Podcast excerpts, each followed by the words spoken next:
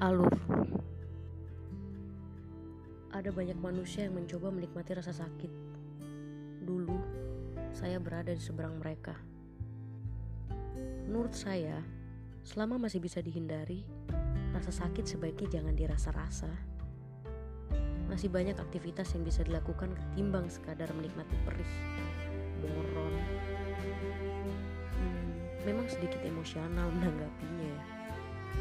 Tapi seorang teman pernah memberi ujangan. Sesekali rasa sakit itu harus dinikmati.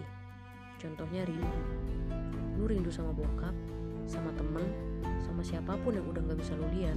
Mendingan lo serap. Kalau emang harus nangis ya nangis, jangan ditahan-tahan. Itu kata teman saya.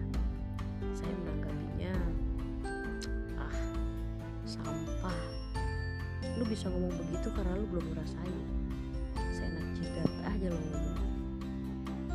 Begitulah kira-kira jawaban saya waktu itu.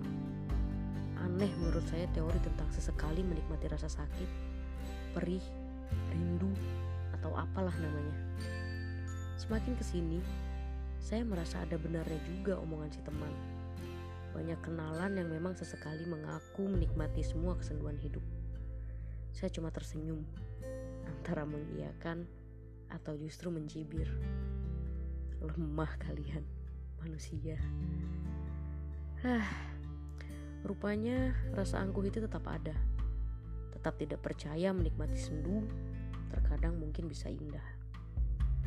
Sampai saat ini, semakin banyak teman yang bicara begitu.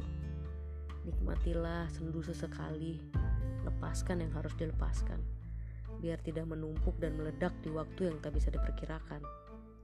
Iya, ada banyak manusia yang mencoba menikmati rasa sakit. Dulu, saya berada di seberang mereka. Mengerti?